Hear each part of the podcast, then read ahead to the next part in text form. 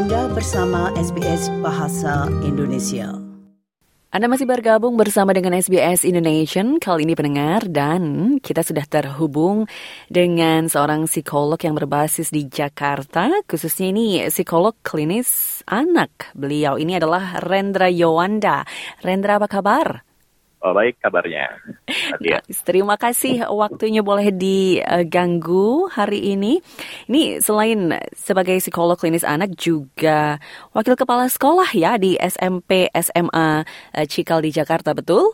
Ya, betul sekali. Jadi memang banyak sekali berhubungan dengan uh, anak-anak khususnya, tapi juga kita kali ini uh, topiknya membahas sebenarnya tentang kesehatan mental uh, pria gitu. Ini saya memang secara khusus mendengar juga ingin uh, berbincang dengan psikolog yang juga pria begitu karena melihat dari sisi um, beliau yang tahu uh, teorinya begitu, tetapi juga tidak hanya itu, tapi juga menjalaninya gitu. Rendra, ini kalau kita bicara mengenai uh, kesehatan mental pada pria, terlebih ini um, yeah. karena ini yang lagi dibahas juga jadi highlight untuk SBS di bulan ini gitu. Nah, kalau kita bicara oh, mengenai okay. kesehatan mental pria, apakah sebenarnya ini jadi tren bahwa kesehatan mental ini sekarang diperhatikan jadi uh, sesuatu hal yang tidak lagi tabu uh, termasuk pada pria. Apakah sudah demikian atau tidak juga sebenarnya? Nah, ini agak pelik sih sebenarnya. Apalagi kalau ngomong kesehatan mental pria ya. Kalau bicara kesehatan mental aja sebetulnya itu kan juga jadi satu isu yang trending terutama kemarin ya ketika kita ada COVID pandemic itu. Ya. Itu banyak diangkat. Uh, uh, terutama di kalangan kalangan remaja ya. Uh, waktu itu muncul terus kalangan kalangan pekerja juga pekerja-pekerja muda terutama gitu ya. Di mana mereka yang tadinya punya aktivitas uh, rutin keluar terus tiba-tiba mereka harus aktivitas di rumah gitu. Nah, uh, dari situ sebetulnya kalau dari pengalamanku pribadi tiba-tiba muncul juga isu-isu soal ya kata mental pria ini. Gitu. Uh, di ya karena pria ini kan pada dasarnya dibesarkannya bukan untuk mengurus domestik ya. Terus tiba-tiba mereka jadi uh, selama pandemik mereka uh, berada di setting domestik. Gitu. Yang itu membuat banyak pria di masa itu tuh jadi stres. Gitu. Karena akhirnya mereka terlibat secara langsung dalam proses pengasuhan di rumah dalam proses domestik sendiri ya tugas-tugas domestik gitu ya mengurus rumah gitu Nah, uh, itu tuh kalau kemarin tuh banyak uh, mungkin dari aku juga terima beberapa klien orang tua kan ya, orang tua dari anak-anak ini yang mengeluhkan itu tadi mengeluhkan stres, mengeluhkan jenuh gitu ya. Mm-hmm. Terus kemudian yang bingung gitu, karena memang itu tadi secara secara kultural pria tidak dibesarkan untuk mengurus urusan domestik gitu. Makanya itu jadi jadi isu sih. Gitu kalau bicara soal kesehatan mental pria. Nah, mm-hmm. nah uh, ya silakan silakan ya. Oke, okay. nah tapi kalau uh, disebut seperti itu berarti um, apakah karena mereka tidak uh, punya uh, apa ya kebebasan untuk bisa keluar? Karena kan sebenarnya kalau dipikir-pikir mereka juga selalu no, I mean para pria ini kan juga um, hmm. Hmm, bukan memandang rendah tapi apa ya melihat mungkin bahwa uh, pekerjaan domestik atau tugas domestik itu kan tanda kutip mudah begitu ya. Tapi kemudian kenapa ketika hmm. mereka masuk dalam lingkungan itu kemudian stres ini muncul? Ini kenapa? Apakah cuma karena tidak berada di zona nyaman mereka atau kenapa menurut Rendra? Nah, ini kita bicara soal proses pengasuhan lagi jadinya ya. Kayak karena kan kalau bisa proses pengasuhan ini kan kayak membuat blueprint sebenarnya membuat blueprint satu model perilaku yang perlu dilakukan oleh seseorang gitu. Nah kalau bicara pria-pria ini Nah mereka tuh nggak punya blueprint untuk eh, tugas-tugas domestik gitu ya. Jadi yang selama ini dilakukan ya, kalaupun mereka tidak terlibat dalam tugas domestik itu sifatnya yang temporer, bukan hmm. yang sifatnya kayak terus menerus berkelanjutan. Gitu, nah itu tuh bikin jadi apa ya? Jadi mereka jadi jadi jadi kayak bingung ketika waktunya diberikan lebih gitu sementara mereka tahu cuma misalkan dalam waktu 3-4 jam sehari untuk melakukan tugas domestik, terus tiba-tiba sekarang mereka punya 24 jam, itu membuat kebingungan sih untuk beberapa untuk kebanyakan pria, kok gitu ya. Oke okay, dan itu sih yang kemarin jadi isunya. Ha. Dan kemudian kalau dibilang tadi Rendra sebut stres, ini um, uh, simptomnya apa gitu? Gejalanya kelihatannya dari mana tuh? Nah, ini bisa beda-beda sih sebetulnya ya. Tapi uh, biasanya kalau udah stresnya cukup akut gitu ya, uh, atau stresnya cukup kronis, uh, ada ada ada kecenderungan juga sudah mulai kayak apa namanya uh, separating from the social environment ya. Jadi kayak coba untuk memisahkan diri, yang kayak gitu, menyendiri gitu ya. Uh, kayak mencari ruang-ruang privat tuh kadang-kadang itu juga juga salah satu sign dari para ini kalau kita mereka lagi stres ya. Atau uh, karena juga jadi uring-uringan sih. Aku juga juga dengar beberapa cerita uh, dari temanku dan dari beberapa orang tua yang memang juga uh, mengeluhkan hal yang sama gitu ya kemarin sama pandemik. Jadi kasih jadi lebih lebih mudah uring-uringan atau di, di Indonesia ini kan kita juga ada banyak perokok ya. Jadi yang mereka hmm. juga dari segi uh, apa namanya uh, merokoknya tuh jadi lebih intens. Itu juga salah satu tanda-tanda stresnya juga sih. Atau yang juga terjadi biasanya kayak uh, ya well tadinya mereka mostly kalau laki-laki terutama yang masih masih masih usia usia muda ya kan suka main game gitu. Tiba-tiba membuat mereka tuh udah gak enjoyable lagi gitu ya. Kayak main game nonton film itu jadi sesuatu yang akhirnya jadi menjemukan itu bisa ada ada sign of stress juga sih buat buat para pria ini gitu bahkan ketika sesuatu hal yang sebenar, uh, sebetulnya entertaining tapi tidak lagi ya. uh, membuat entertained itu berarti juga tanda-tanda stres gitu ya Ya, betul itu dia. Oke, tapi kalau bicara uh, pria ini secara teori atau juga mungkin pengalaman pri pribadi gitu ya. Ini anak-anak uh, kemudian hingga remaja dewasa ini apakah ada yang secara khusus lebih rentan untuk lebih mudah uh, mengalami stres ini tadi? Ter hmm, sebenarnya akan berbeda ya antara satu individu dengan individu yang lain ya kan juga tergantung dari seberapa besar resiliensinya. Artinya kayak kelentingan mereka ketika mereka dihadapkan satu situasi yang sulit, hmm. uh, terus seberapa mudah, berapa mampu mereka bisa beradaptasi dengan tuntutan itu gitu. Dan ini bisa berbeda antara satu dengan yang lain. Kan ada beberapa faktor juga ya. Mungkin secara genetik memang mereka lebih atau lebih sensitif mungkin orangnya atau mungkin jadi lebih mudah uh, apa namanya lelah gitu ya. Ambang batas threshold untuk uh, toleransi stresnya itu juga lebih rendah bisa jadi kayak gitu juga. Atau mungkin dari ya faktor lingkungan juga dari proses pengasuhannya memang dia biasa hidup di dalam lingkungan yang memang tidak uh, apa ya tidak terbiasa dalam menangani stres gitu. Itu bisa jadi juga kayak gitu. Tapi juga orang-orang yang memang dibesarkan di lingkungan yang mereka lebih apa ya toleran gitu ya terhadap stres dan punya strategi-strategi efektif untuk mengatasi itu itu seharusnya nggak ada masalah gitu ya uh, kemampuan resiliensinya juga akan lebih baik sebenarnya jadi itu emang, emang bisa berbeda-beda sih kalau bicara soal ini ya. Hmm, banyak faktornya ya Rendra. Berarti banyak faktor. Nah. tidak bisa juga disebut kalau anak yang uh, berada di lingkungan keluarga yang misalnya ayahnya um, karena stres tadi mungkin karena tekanan mental tadi kemudian berperilaku kasar misalnya anaknya akan mengcopy itu is it a, pasti nggak itu akan seperti itu? Nah, kalau itu biasa kita sebutnya memang nggak pasti ya tapi biasanya resikonya lebih tinggi gitu jadi kayak ada percentage probability-nya juga sih gitu. Jadi nggak selalu tapi uh, besar kemungkinannya akan akan ke arah sana. Kayak gitu aja sih biasanya Oke, okay, jadi kapan? Karena kan kita pria, oke, okay, kita bicara mengenai pria budaya timur gitu ya. Kalau laki-laki ya, itu ya, ya, ya jangan nangis lah gitu.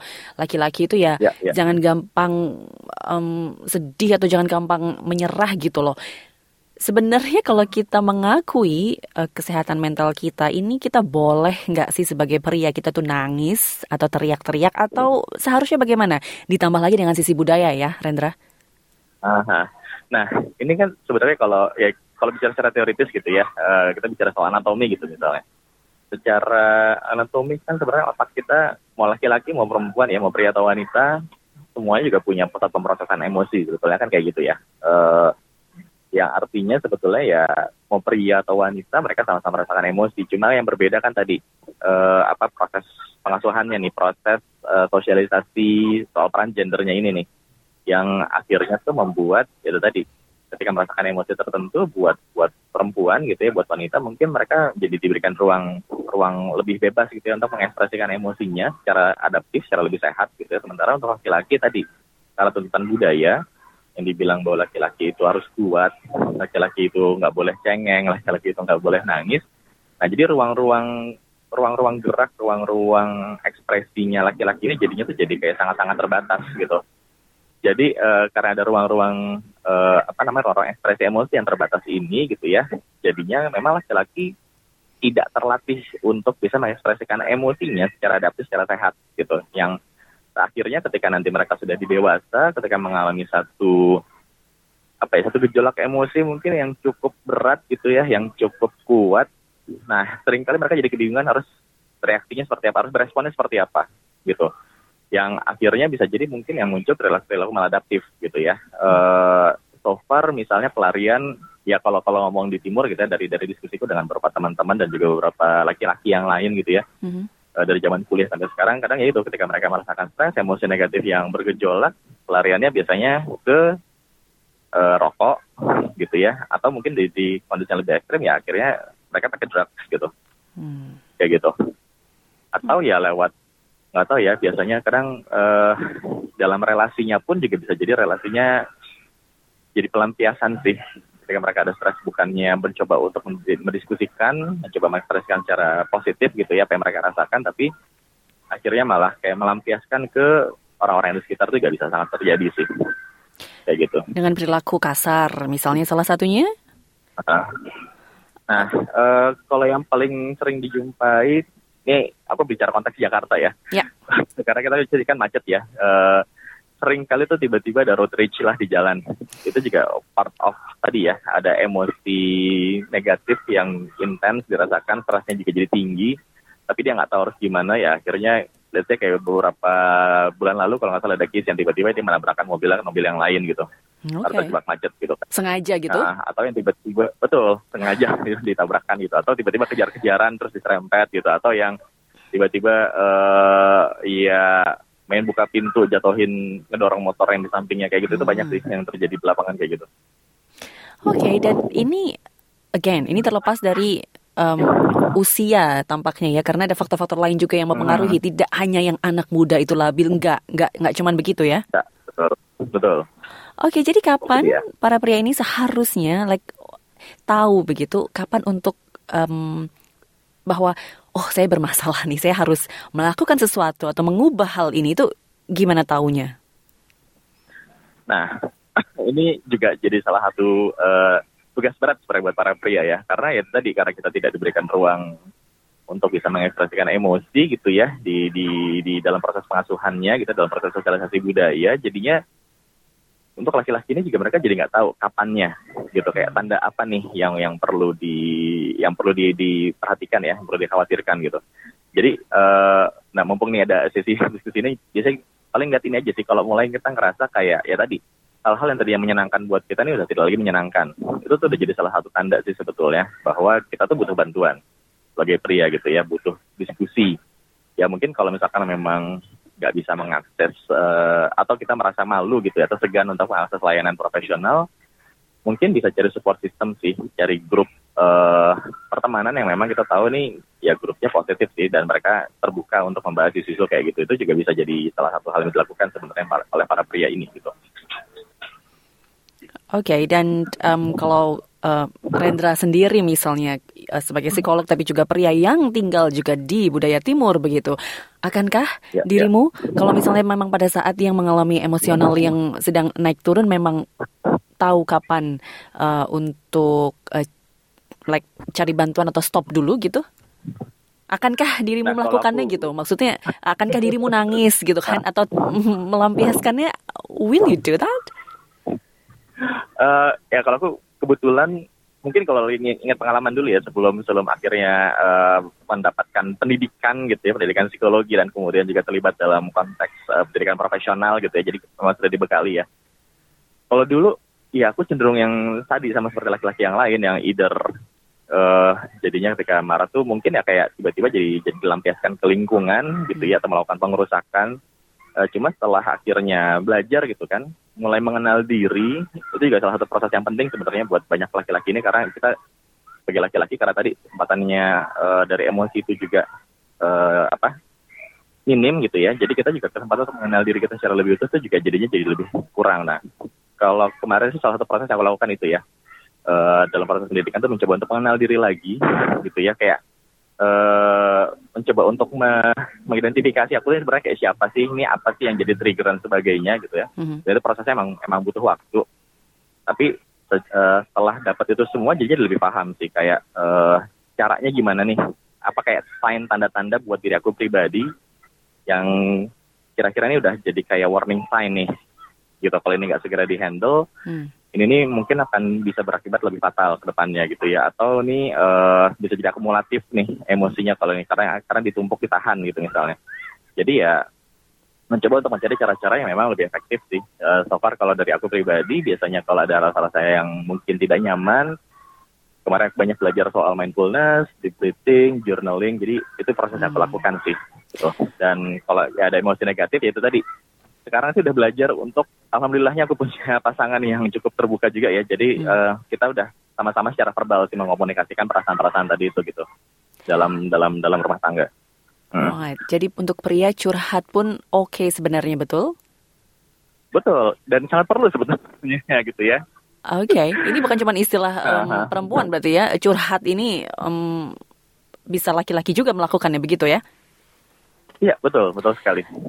Uh, what about nangis? Apakah itu uh, oke okay bagi para pria untuk nangis menurutmu? Nangis sebenarnya oke. Okay. Kenapa? Karena nangis itu kan uh, apa ya namanya?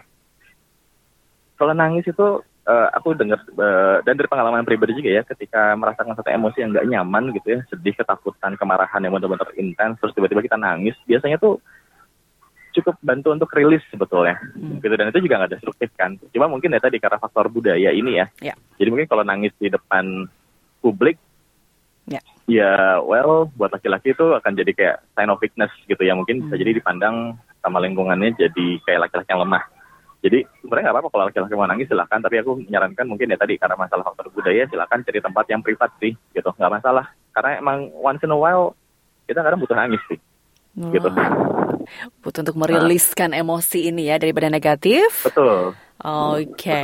nice. Rendra Yowanda, terima kasih banyak sudah bergabung bersama SBS Indonesia. Insight-nya di um, semoga membantu juga. Terima kasih. Sama-sama, terima kasih kembali Katia. Anda ingin mendengar cerita-cerita seperti ini? Dengarkan di Apple Podcast, Google Podcast, Spotify, atau di mana pun Anda mendapatkan podcast Anda.